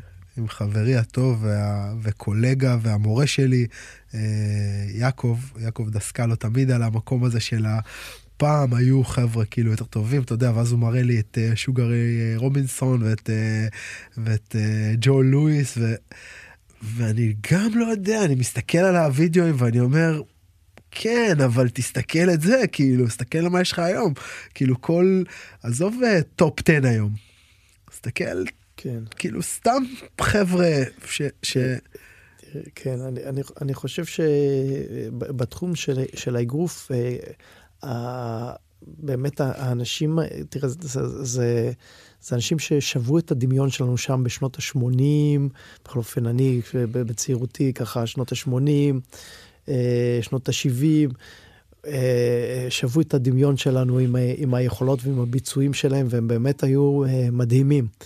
אני מאוד אה, סקרן אה, איך, איך הם היו נראים היום, שהמדע בצד של ההכנה הגופנית, המדע שם מאחור תומך וכל כך משמעותי, ולו ברמה של הפיזיותרפיה, שרק איך לתחזק את הגוף נכון, והתזונה שהיא אה, משפיעה, והשעות שינה, שזה חשוב ומשפיע, אנשים לא ידעו את הדברים האלה פעם, פשוט לא כן. לא ידעו את הדברים האלה. כן, זה תמיד, זה תמיד שאלה עבורי, אתה יודע, זה, וזאת שאלת אה, מיליון הדולר כזה, אתה יודע, של כל ה... אה, אני בטוח שגם אה, בארצות הברית יש לך את, את, את החבר'ה שמשחקים fantasy baseball או fantasy football, אני לא יודע, כאילו, mm-hmm. כאילו, מה היה קורה אם היה לי את ה... אז זה, זה תמיד שאלה מעניינת. ואתה יודע מה, אולי גם זה יוביל אותנו באמת ל, ל, אולי לנושא האחרון שלנו, לשלב ככה בין שניהם, כי כאילו המקום הזה של בעצם מה ה fundamentals, מה, מה, מה הדבר שהוא הלחם והחמאה של כל אה, אומנות או של כל מרחב. אה, ואיך אני, אם אני חוזר שנייה אחורה, אני, אה, אני לוקח את עצמי כדוגמה. כלומר, אני התחנכתי, למדתי, אה, אני עושה אמנויות לחימה מגיל מאוד מאוד צעיר, אבל אני לא יכול להגיד שהיה לי basic, כאילו, fundamentals טובים, וגם תמיד אה, הלכתי שבי אחרי מה, ש, מה שאפקטיבי. כאילו, כן. כאילו אם זה עובד, mm-hmm. אני לוקח את זה. כן. ואם זה לא עובד, אז תשחרר אותי, מה אני צריך עכשיו לעשות אה, שיקו דאצ'ו, או מידת סוס, או כל מיני דברים כן, כאלה. כן, נכון? כן. אם אתה אומר לי שזה טוב בשביל לחזק רגליים, אז האם זה הדבר הכי טוב כדי לחזק? כן. ואם זה לא הדבר הכי טוב כדי לחזק רגליים, אז למה אני צריך לעשות את זה? כי מה, מישהו עשה את זה לפני 100 שנה? זה לא מספיק, זה לא תשובה מספיק טובה עבורי, נכון? אני חושב שפה אנחנו צריכים לעשות הפרדה בין האומנויות לחימה לספורט קרב. Mm. ואני חושב שבאומנויות לחימה, אם אתה שואל למה אתה עושה עוול, אתה עושה עוול. זה כמו לפעמים, אה, יש לי איזה אה, חבר דתי שאני אומר לו, שאני מקשה עליו בקושיות, ואני אומר לו, רגע, אתה לא מבין, אתה הלכת לגמרי לאיבוד בדרך. אה, זה, האמונה היא חלק מהמטרה עצמה, כשלעצמה, היא חלק מהמטרה עצמה. זאת אומרת, לשאול שאלות בסדר, אבל, אבל אם אתה רק שואל שאלות, אז, אז אתה, אתה, אתה לא הבנת את המטרה. האמונה היא חלק מהמטרה עצמה. ובאמנות לחימה, הלעשות זה לאו דווקא שהוא יהיה יעיל, הוא לאו דווקא שהוא בדיוק ישמש את המטרה. אמ, ובספורט, בספורט קרב, אני חושב בתור מישהו שהוא גם מאמן אומנות לחימה וגם אה, מאמן ספורט קרב, אני חושב שזה משהו שאני כל יום חוקר אותו מחדש. ואני חושב שכל אה, אה, כל מאמן, אני חושב שזה אחד הדברים שהכי צריכים להטריד אותו כל יום. מאיפה הוא מתחיל את העבודה שלו? מה הם באמת האבני יסוד המשמעותיים ביותר? אה, וכאילו אתה מדמיין לך איזה, איזה, איזה מפה כזאת או איזה משהו שמסתעף אה, ל, למאות ענפים, ואיפה האמצע? איפה אני מצביע עם האמצע? שהכל נפתח משם. ו, וזו שאלה שאני כשלעצמי, אין לי תשובה אליה, אני בחקר כל הזמן. כל יום שאני מקבל תלמיד חדש, אני בודק. ואני רואה כמה שאני יכול להגיע יותר מדויק למרכז. וזה משהו אינסופי גם. זה אני, משהו שאין לו סוף. אני, אני כאילו כל כך אוהב, אתה יודע, זה בדיוק מה שעשינו לפני השיעור הזה, בהתלהבות שלנו על ה... על ה... לפני השיעור, לפני השיחה שלנו. ב, ב, על המהלכים שראינו. על, על המהלכים שראינו, על מה שאני מפתח, על מה שאתה, על... וכאילו בעצם ה, ה, החדווה הזאתי והרצון הזה ב... חקר. ב, בחקר. פעם אני יכול להגיד שהחדווה הזאת הופנתה, אם אנחנו כאילו עכשיו בשיח בינינו, החדווה שלי הזו הופנתה בלמצוא את, את האס בשרוול. Mm-hmm. את הטכניקה הבאה, mm-hmm. את ה... בדיוק המקום הזה שכאילו, שאנחנו מדברים עליו. לשם זה הופנה, ואני רואה את זה היום עם החבר'ה הצעירים, אה, כאילו, הנה גילינו עוד איזה גארד חדש, הנה עוד איזה וריאציה של איזה טה טה טה טה טה, הנה, הנה תראה את ה... והיום אני מנסה להעביר אני עדיין קצת ילד, כן, אבל אני כן מנסה להעביר את החדווה הזאתי למקום של בו נמצא איך ה... אמ, איך, איך הדבר הזה קורה אה, ביותר בצורה חלקה, איך אני מצליח להעביר את המהות, איך, איך, הנה, הנה גיליתי עוד, עוד חתיכה מהמהות. Mm-hmm. מה, מה, מה basic של ה basic של ה basic. הנה זה, כאילו, עוד, עוד כן. אז זה פה כן באמת ההבדל בין למצוא את ה basic ולמצוא את האס בשרוול שיוצא מתוך ה basic, mm. כן? ו, ו, וכאן אני חושב שכשאתה מכשיר ספורטאי מגיל מאוד מאוד צעיר, זאת אומרת, אתה בונה אותו מגיל מאוד מאוד צעיר, אז מצד אחד אתה רוצה לתת לו, אה, סתם בוא ניקח אה, בתחום של ה striking, אז אתה רוצה לתת לו יסודות תנועת רגליים ממש טובה. זאת אומרת, אתה רוצה שהוא יהיה מסוגל לזוז לכל כיוון, לכל צורה אפשרית, בעיקר בגיל צעיר. לאו דווקא, אה, אם אנחנו מדברים על גיל צעיר, אז אני מדבר כבר מגיל ארבע, לא לכוון אותו לאו דווקא בהכרח את אותה תנועת רגליים שהוא יעשה בגיל 20, כשהוא יהיה אלוף ישראל, או או, או לא יודע מה. זאת אומרת, אני רוצה לתת לו איזשהו בסיס רחב, רחב, רחב, רחב של תנועה, ומתוך הבסיס הרחב הזה של תנועה, גם זה יקל עליו יותר מאוחר לקלוט את היסודות של המקצוע, זאת אומרת, אם בסופו של דבר באגרוף אתה תגיד, רגע, יש איזה אה, צעד וחצי שהם המשמעותיים ביותר, זה 90% מהזמן עושים אותה, את הצעד הזה, ו-10% מהזמן עושים את כל השאר, סתם לדוגמה, לא, אל תתפוס אותי במילה. אז, אז ודאי וודאי יהיה לו קל יותר לקלוט את זה, אבל אני אתן לו איזשהו בסיס, שגם את כל הטריקים, את כל המהלכים היותר מורכבים, יותר, ניתן לו איזשהו בסיס תנועתי קורדינטיבי, שהוא יוכל בקלות רבה לקלוט גם את כל האחרים. זאת אומרת, כשאתה מלמד ספורטאי, אה, לוקח מגיל צעיר, מגיל ארבע, אני אומר, אומר לו, רגע, באגרוף, מה שאתה צריך זה את החצי-חצי אה, צעד כל פעם, לא יודע מה, איך תקרא לזה. חצי-חצי להתקדם, ותמיד עם הרגל החלשה קדימה, ו... ואתה לוקח אותו מגיל ארבע, ואתה עושה, הוא באמת יעשה את זה ממש טוב בגיל 20. אבל כולם יעשו את זה טוב גם מגיל 15 עד 20. אז אתה פספסת שם משהו מגיל 4 עד 15, ש... ולא סתם אמרתי 15, כי 15 זה נקרא גיל ההתמחות. Mm. מגיל 4 עד 15 אתה צריך לתת לו משהו אחר. המשהו אחר הזה, זה איזשהו בסיס תנועתי שהוא יהיה מסוגל לתת מעבר לבסיס. כולם יכולים ללמוד את הבסיס מגיל 15 עד 20, נהדר. אבל אתה צריך לתת לו איזשהו, איזושהי הכנה שתכין אותו, תביא אותו למצב שהוא יכול ללמוד מעבר. את כל המעבר. אז בתוך הדברים האלה, אז אני אומר, רגע, אני רוצה שהוא יזוז בכל צורה אפשרית ברגליים. גם משהו שקיים בכלל בהיאבקות, או קיים בכלל בכדורסל, או... ו... והוא יוכל בקלות גם לאלתר מאוחר mm. יותר, לאלתר, להביא דברים שהאחרים לא ראו, שהאס בשרוול הזה שאנחנו מדברים mm. עליו, אני חושב שאותו אתה צריך ליצור בגיל צעיר. בעצם איזושהי מערכת שמצליחה לעשות אסימילציה, שמצליחה לאסוף לתוכה, לעכל. כאילו נכון, בעצם מה שאני רוצה, אני רוצה איזה ערים במובן הזה. אז, ש... אז אני מסתכל, סתם ניקח לדוגמה את, אה, את קונור. שהוא החליט שהוא אה, לקראת גיל, לא יודע מה, אה, 30, הוא רוצה ללמוד בעיטה מגניבה של קפוארה. אז הוא באמת עשה אותה ברמה לא רעה בכלל. אה, ברור, הוא ספורטאי מדהים, אבל נראה לי too little too late. זה משהו ש... את האס הזה בשרוול, זה לא משהו שאתה ממציא מהיום למחר. זה משהו שאתה צריך לראות אותו כמו המטריקס, הוא ברור לך לחלוטין, הוא קורם לעצמו, לא שעכשיו למדתי ועכשיו, אוקיי, אני אעשה. Mm.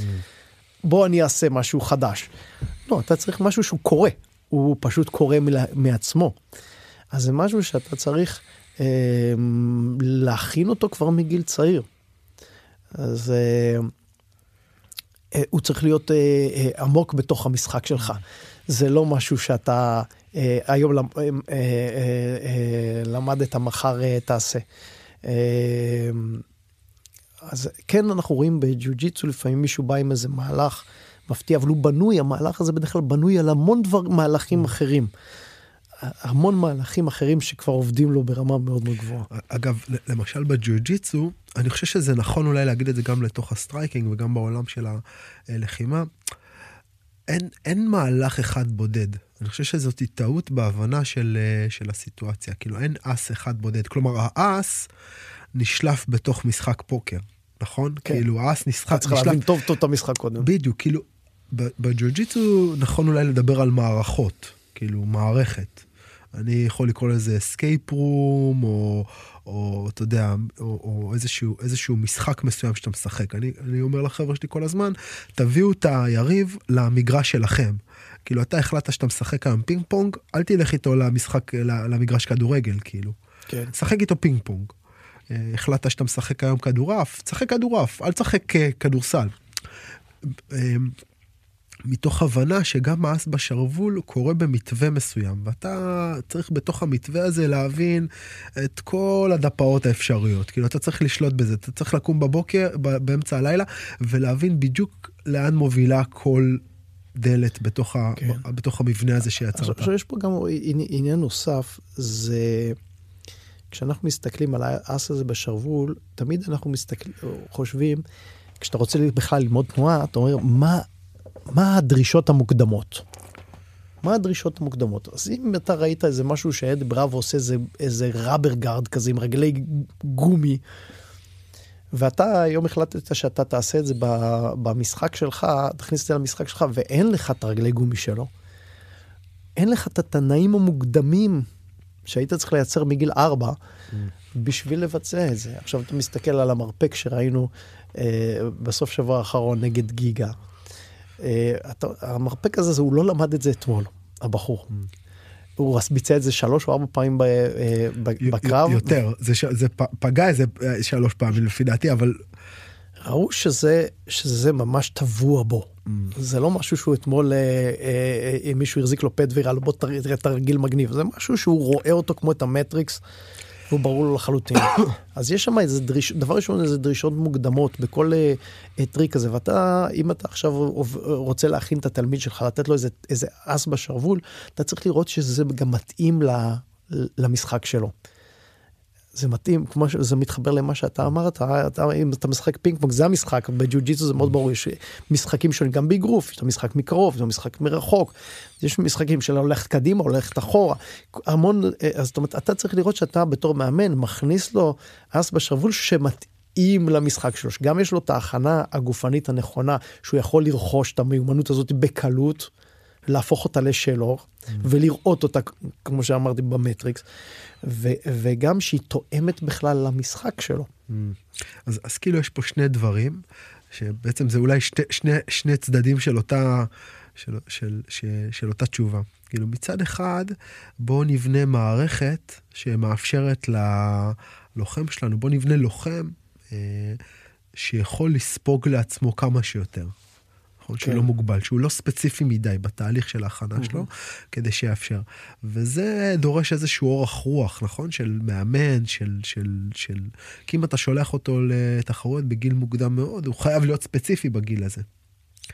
אמ, אז זה ככה משהו אחד. זה מאוד מעניין, אתה יודע, עשיתי קורס עם אה, אה, דוד נוטה. אה, אה, נוטה? לא, מה שמו? שכחתי. אה, נוטיס. אה, הוא היה מאמן נבחרת ישראל באבקות. וחמישה אה, ימים של שש שעות. היום הראשון כולו, מה היה? אקרובטיקה. אתה רוצה להת... להתאבק, דבר ראשון ג'ינסטיקה. דבר ראשון, שהגוף שלך יזוז לכל כיוון אפשרי, mm. בכוח מתפרץ ובגמישות ובקורדינציה. דבר ראשון, זאת אומרת, אם אתה רוצה לבנות מתאבק, דבר ראשון, ש... תכין אותו שהוא יוכל לזוז בכל כיוון אפשרי, וזה כל כך התחבר לי. עוד פעם, עם, עם, עם הגישה הזאת, אתה בונה את הספורטאי מגיל 4, אתה עכשיו תיקח אה, מישהו בן 20 ותתחיל לעשות לו אקרובטיקה שהוא לא עשה מעולם, אתה יותר שובר את הבחור, מ, מ, אתה מבזבז את הזמן, זה זמן לבנות כבר על מה שיש לו. אבל אה, בגיל הצעיר, תיתן לו איזשהו בסיס שהוא יוכל אחרי זה ללכת רחוק יותר. שהוא יוכל באמת להוציא כן, אייסים בשרוול. כן, שהוא יוכל להטמיע את זה, שתלמד אותו עכשיו את זה, לא, ש, ש, שתרצה שהוא יעשה את הפליפ, לא בדיוק. לא תצטרך ללמד אותו את הפליפ. בדיוק. תלמד, ת, תגיד לו מתי, לא זהו. איך. ממש. אה, אז, אז זה אחד, ו, ואולי הדבר השני זה גם להבין איך הדבר הזה שאתה רוצה ללמד מתלבש על הלוחם שלך, על מה שנכון לו בגוף, על מישהו, נכון? כאילו זה, זה, כאילו, אתה לא יכול ללמד עכשיו נמר צעיר ורעב שרק רוצה להתנפל, אה, טריקים של נמר זקן, נכון? Mm-hmm. אלא אם כן, חינכת את הנמר הצעיר והרעב שלך להיות אה, נמר זקן. ש, ש, שזה עוול, לעשות mm. לו קצת עוול. Mm. תיתן לו, כשהוא רעב, תיתן לו להיות רעב. להיות רעב. כן, ת, נכון. תמצא שמה, כי יש למד... מספיק זמן אחרי זה. כן, אז תלמד אותו תלמד אותו להיות נמר כן, רעב. כן, זה אני מסתכל, ואני משתדל מאוד לא לחתור בזה בקפוארה. כי הקפוארה שאני עושה היום, היא ממש לא דומה למה שעשיתי כשהייתי mm. בשנות ה-20 לחיי. קפוארה זקנה יותר, חכמה יותר. רגועה, אה, סבלנית. כן, יש הרבה חן בתנועה וריקודיות, ו, ו, אבל אין את הכוח המתפרץ ואת העוצמות. ו, אה, שהיה פעם, ויש נטייה הרבה פעמים למאמן לאמן את מה שטבעי לו. כן. ואנחנו צריכים לשים לב, כן, שאנחנו מאמנים את, ה, את הצעירים, לא ללמד אותם את מה שאנחנו מתאמנים לעצמנו. ומצד שני, כאילו, אתה מתאמן את זה היום לעצמך, כי אתה מבין גם את המחירים ששילמת כבן אדם צעיר, או כמתאמן צעיר, ואתה, כאילו, אני בטוח, שנינו מאמנים שמאמנים את הילדים שלנו. אני מנסה היום לאמן את הילד שלי אה, בצורה שתמנע ממנו חלק, מה, חלק, בדיוק, מהטעויות, מהכאבים שאני היום נכון. אה, ואז נכון, יש פה ו... איזה מתח, נכון? פה, כן, כי, כי לא היינו מגיעים למה שהגענו. אם לא היית דוחף סם, סם גז על הדוושה. ממש ככה, זאת אומרת, אבל, אבל כן אנחנו מודעים הרבה יותר לשעות שינה, לתזונה, לפציעות, להתייחסות, לפיזיותרפיה. לקרבות. אנחנו מודעים הרבה יותר בשביל התלמידים שלנו, כן, אה, לכוון אותם, ש, שפעם ידעו פחות טוב לכוון אותנו.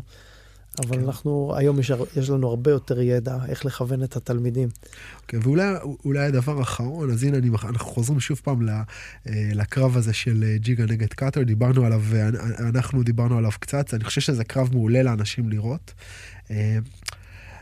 גם כי יש פה בעצם אה, כמה דברים. אחד, זה עוד פעם איך אסטרטגיה, אני תמיד, אני מת על זה, איך אסטרטגיה... אה, משנה את הקרב. משנה את הקרב ומנצחת אה, יכולות. נכון. כאילו, כן. קאטר מבחינתי הוא לוחם פחות טוב, פחות שלם. כן. מג'יגה, נכון? זה כאילו, זה די... אפשר לראות את זה. הייתה לו תוכנית קרב נהדרת. אבל הייתה לו תוכנית קרב ומעבר לזה, היה לו את המשהו הזה שדיברנו, אה, ניתחנו בינינו את הקרב, ו- וכאילו, אני ממליץ לכל מי שמקשיב לראות את הקרב הזה, ואז סיבוב ראשון יש שם איזה, איזה, איזה מעידה כזאת, trip כזה כן. של, של ג'יגה, ו- וקאטר כאילו פשוט... מנצל אותה. כן, fuck, כאילו, כאילו לחצו על הכפתור. ואתה רואה המון קרבות שמישהו מועד, והשני מתמהמה, מהסס, אה, לא קופץ עליו. כן, שזה גם איזושהי איכות מסוימת שאנחנו מחפשים בלוחם, שאיך היית מגדיר את האיכות הזאת? אה, אני חושב שהוא, אני חושב שהוא, הוא בנה, תראה, זה משהו שאתה הרי לא בונה אותו בתוכנית אימונים. אתה לא בונה בתוכנית אימונים על זה שמישהו יחליק. נכון. אתה לא בונה על זה. וזה לגמרי משהו ב, ב, באינטליגנציה שלו. זה סוג של agility, agility קוגניטיבי, אבל כאילו ברמה של, ה, של ה fighting IQ, נכון? ממש כאילו, ככה, כן. אבל, אבל זה איזושהי גמישות מחשבתית. ממש של, ככה. כן, כן, אני בטוח שלא כן. התאמנו איתו על... על, על מקרה שהיריב על... שלך יחליק פתאום. בדיוק, הוא מועד ואתה רץ אליו, נכון? זה לא משהו שכתוב ב textbooks של האימון. כן. אבל איכשהו יש לו את זה בתוך הגוף, נכון? זה יצר כזה של להתביית על ה... על ה... לנצל כל... כל מידע וכל חיסרון ולהתביית על זה ולא לוותר שם. ואגב לא רואים את זה באיך שהוא מנהל את הקרב כי כאילו נגיד מול ג'יגה בקרב קאטר נראה הרבה יותר אה, איטי, נכון? הוא נראה יותר איטי. יותר כזה דרג uh, כזה נגרר לתוך הקרב, כן. מוכן לשלם את המחיר של לקבל מכות בשביל to trade, ועדיין באקט היחיד הזה, זה כאילו האקט של, של יש שם איזה, איזה, איזה ניצוץ שרק מחכה כאילו להתפוצץ. כן. ו... ואז איך אנחנו מכניסים את זה לתוך התלמידים שלנו? או, משהו, או... משהו מעניין שאני למדתי בניהול משחק. Hmm. אתה מנהל משחק, סתם אתה נגיד מנהל משחק של, אה, אה, אני מאוד אוהב משחק גג גג לתת לילדים. כי ילדים לפני שיש להם מיומנות של זריקה ותפיסה של כדור, אתה נותן להם רק לחוות בכדור שהוא על הרצפה, אה, קל יותר. ואז במשחק גג גג פתאום אחד הילדים קופץ על הספסל. עכשיו שהוא על הספסל, אז מה, מורה זה, תרד מהר. זה לא בחוקים. זה לא בחוקים. אבל זה, אבל זה... אז אתה צריך התייחסות נכונה למחשבה מחוץ לקופסה. אסור לך לדכא את זה, אתה צריך בכל זאת אבל לנהל את המשחק עם החוקים שלו, ואז אתה צריך, דבר ראשון, אתה אסור לך לשלול. Mm. אסור לך להתייחס לזה כעבירה. אסור לך להגיד, וואו, וואו, וואו, מה פתאום, לא עושים זה. אתה להגיד, וואו, תראו אותו mm. חכם, איזה יופי. אוקיי? בואו נראה, בואו ניתן לכם עכשיו שמותר גם uh, לעלות על הספסל, אבל אתם צריכים גם לחוות בכדור, אוקיי? אבל uh, בסופו של דבר אתה, אתה יכול גם לייצר חוקים ולהתאים, להגיד אוקיי, אני, פה מותר, פה אסור לעלות. Uh, כדי שהכי חשוב שהמשחק יצליח, כן? mm. בסופו של דבר. כן, כי אתה צריך את הקופסה כדי לשחק, נכון? כאילו, זה בדיוק המקום עם הלחשוב מחוץ לקופסה. לפעמים זה, הם חושבים מחוץ לקופסה, לא נשארה קופסה, אין לא משחק. לא נשאר משחק. לא נשאר לא משחק. אז אתה, כן, אתה צריך להיות, אתה צריך שיהיה לך מספיק, אה, שיהיה לך מספיק כלים כדי לתפעל את המשחק, ושבכל זאת יהיה בו מקום ליצירתיות. זה חוכמה, זה לא, זה קל, קל לומר. לא, אה, כן, וזה גם באמת אולי גם מתאים לאופי גם של אומנות מצד אחד, וגם של מאמן מצד אחד. כי בדיוק, עוד פעם, דיברנו מקודם על, ה, על הדוקטרינה כאילו הרוסית, הסובייטית, כאילו, בינינו, ואמרנו, היה יכול להיות שם אה, מתאגרף אה, או לוחם MMA רוסי מאוד מאוד טוב, שלא היה מנצל את הדבר הזה, לא כי זה לא היה ב... בתוכנית, זה לא, זה לא היה בתוכנית, זה לא היה בסיסטמה. אה, זה מצד אחד. אתה יודע מה אומרים על אה, אה, ההבדל בין מאמן אה, אגרוף רוסי לאמריקאי. אצל הרוסי נכנסים 30 מתאגרפים צעירים, יוצאים 30 מתאגרפים מצוינים. אצל האמריקאי נכנסים 30, יוצא אלוף עולם אחד. לגמרי. אני עוקב אחרי עכשיו ב... ב... אה, נכנסתי לאינסטגרם, אז אני עוקב אחר, עכשיו אחרי איזושהי אקדמיה בארצות הברית, אה, שהם כאילו אקדמיה של פרוז כזה, ורוב מה שהם עושים שם זה פשוט לעשות ספארינגים מטורפים. מטורפים. שאני לא מבין את ה... אתה יודע, את ה... את ה... את ה... את ה כאילו, איך אנשים, איך אנשים שורדים את ה... זה יוצר סינון. זה, ובדיוק, ו, ובעצם מה שזה עושה, אמ, זה יוצר סינון. זה, זה... אתה צריך להגיע לאקדמיה כזאתי. אה, כבר מוכן ברמות גבוהות מאוד. אפוי לגמרי, כן. וגם בתוך איזושהי הבנה שאתה מנהל את, ה... מנהל את הסיכון שלך שם בצורה מאוד מאוד mm-hmm. מאוד מסוימת, כי mm-hmm. כאילו ה... המחיר הוא כל כך גבוה, אבל מי שיוצא משם... כן, הוא רמה מאוד גבוהה. הוא, הוא רמה. שבור כן. לגמרי. אבל, אבל לא, זהו, אז פה אם יש מישהו... אה, אם יש מאחוריך מישהו אה, חכם מאמן אישי שדואג לך שם בפנים, אז אתה יכול היה לצאת בסדר. הרבה, הבעיה היא הרבה פעמים אנשים מגיעים למועדון כזה שהוא בשר תותחים, mm. אה, קצבייה רצינית, ואין מישהו ששומר עליהם. ולאותו מקום יכול להגיע מישהו, ומישהו שומר עליו, הוא פרוטג'י, ומישהו שומר עליו ובוחר לו את הספארינגים. Mm. זאת אומרת, המקומות האלה, אתה יכול לראות אותם אה, בתוך המקומות האלה אתה אומר, אה, זה רק בשר תותחים? לא. יש, לא. יש, יש מישהו מיש... מנצל את זה, כן. ואתה, אתה, אתה, אם אתה שולח את הבן שלך, אתה צריך אה, לדאוג שמישהו דואג לו טוב טוב בכזה מקום. ממש ככה. כן. זה קורה גם בקפוארה? יש מקומות כאלה גם בקפוארה? אה, קפוארה עוברת המון, אה, המון, המון תהליכים. יש, היו תקופות של אלימות ממש, המעגל של קפרי היה מקום לא אגרסיבי, אלא ממש יכול להיות אלים. אתה יודע, אני, זה, זה, זה גם איזה דבר כזה שתמיד uh, קפץ לי, כאילו אני אוהב, שנינו אוהבים לח... ליזון גם מהרשת, ואז יש לך את ה... את ה כאילו מקומות כאלה שאומנויות לחימה משתבשות, נכון? שכאילו מין כזה קרב, שהופך להיות קרב כזה מגעיל וזה, כן. ותמיד, כאילו בתוך הדברים האלה, הקפוארה, זה אחד, ה, אחד המככבים. כן. ואז אתה רואה חבר'ה שזזים בחינניות וזורקים את המסובבות שלהם ועושים את כל הדברים, ואז משהו קורה, לפעמים אתה אפילו לא מבין מה קרה. כאילו פשוט משהו קרה, זה מרגיש כאילו מישהו עשה איזה... אגו. כן, מישהו עשה איזה מניירה לא זה, ובבת אחת מכות רחוב, אנשים זונחים את כל השנות אימונים שלהם ופשוט הולכים מכות כאילו. כן, כן. אז דבר ראשון בוא, אה, צריך, צריך להבין שזה ברזיל. לרוב, רוב, רוב הסרטונים שאנחנו רואים בזה זה מברזיל, וברזיל, מה שאנחנו קוראים לו אלימות, אה, זה לא מעלה להם את האדרנלין. זאת אומרת, זו חברה שסובלת מאלימות קשה ומפשע, אה, ולכן שם הסיטואציות האלה הן יותר שכיחות. בעבר היו, היום קצת פחות, היום הרבה פחות. אז זאת אומרת, אה, זאת אומרת, אתה יכול לבוא עם חבר'ה שלך לברזיל לתוך מעגל. אני שומר ו... עליהם. ואתה כאילו, ואתה אתה כבר יכול לזהות מתי, מי זה בעייתי. ממש מה... ככה, ממש ככה. אם אני נוסע עם משלחת, אני לוקח, יודע דבר טוב מאוד לאיזה מעגל אנחנו הולכים, ויש לנו מעגלים כפרים שאנחנו הולכים לראות ומראש יודעים שלא הולכים לשחק במעגל הזה. למה? כי מספיק שכאילו קורה כן, איזה... כן, איזה קפואריסט רחוב אחד מסוכן כזה, ש... אה, יכול אה, אפילו לא להגיע לרמה של תיגרה, אלא פשוט לפצוע. זאת אומרת, מה שקורה בקפוארה, אין לך שופט באמצע. והכלים הם יכולים להיות כלים מאוד מסוכנים. זאת אומרת, נגיד... אם זה נגיחה לפנים, או מרפק, או ברך, או בעיטה, אה, ואין הבדלי רמות ואין הבדלי משקל. זאת אומרת, יכול לבוא אליך, ובברזיל רואים כאלה 120 קילו של שרירים, משהו שאם אני הולך עם כזה אחד בחוף הים פה בהרצליה, עושים לך כבוד. החוף עובר לדום.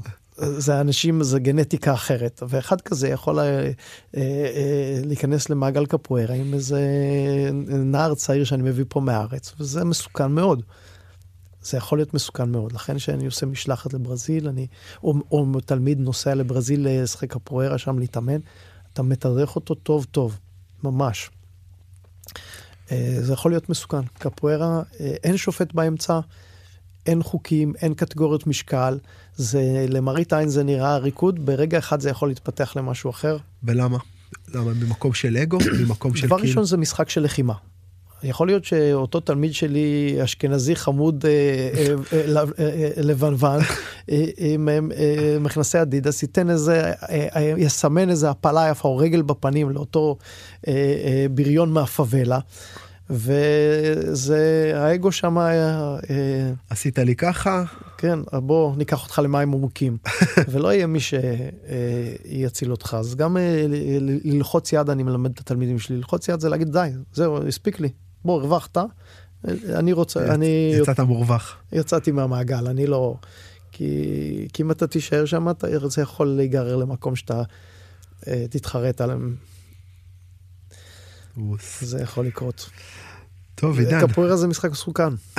אתה יודע, זה, זה משהו שתמיד אני צוחק על uh, מכר משותף שלנו, סונורה, שהוא גם מורה אצלי, ב, אצלנו במכון, שותף שלי לדרך, uh, בן אדם שאני לומד ממנו המון, ותמיד uh, אני, אני מקנית אותו. אומר לו, עזוב, עזוב ג'ו-ג'יצו, לך, לך, לך לקפוארה שלך, והוא תמיד אומר לי, קפוארה זה הרבה יותר מפחיד מכל ה-MMA שלכם. ואני תמיד מקנית אותו, אבל אני, אני לגמרי רואה איך כאילו המקום שאין בו בעצם חוקים ואין פה גבולות, אה, למרות שזה נראה רך, זה בבת אחת יכול ללכת להתהפך עליך. כן. אה, עידן, היה לי מאוד מאוד כיף לדבר איתך כרגיל, מאחל לעצמי כמה שיותר. אה, מתאמים את הפעם הבאה. מתאמים את הפעם הבאה לגמרי, בהצלחה במכון החדש ברעננה, אני מקווה שהמון המון אנשים יגיעו לשם לרוות ממך נחת ולהיות תלמידים, ונאחל לעצמנו בריאות, אה? המון בריאות. רוס, תודה רבה. תודה חבר. רוס, רוס, רוס. חברים, תודה רבה שהקשבתם לנו עד כאן. אתם מוזמנים לעקוב אחרי הערוץ, להצטרף לקהילה בפייסבוק, שם אנחנו מעלים קטעים מתוך הפרקים, וגם כל מיני דברים אה, אה, מעניינים שאני נתקל בהם, או ששולחים לי. אם אגב אתם אה, נתקלים בקטע מעניין שנראה לכם אה, רלוונטי או אקטואלי לקהילה, אז אתם ממש מושל... מוזמנים לשלוח לי ואני אשתדל לשתף. תודה לכולם, נשתמע בשבוע הבא.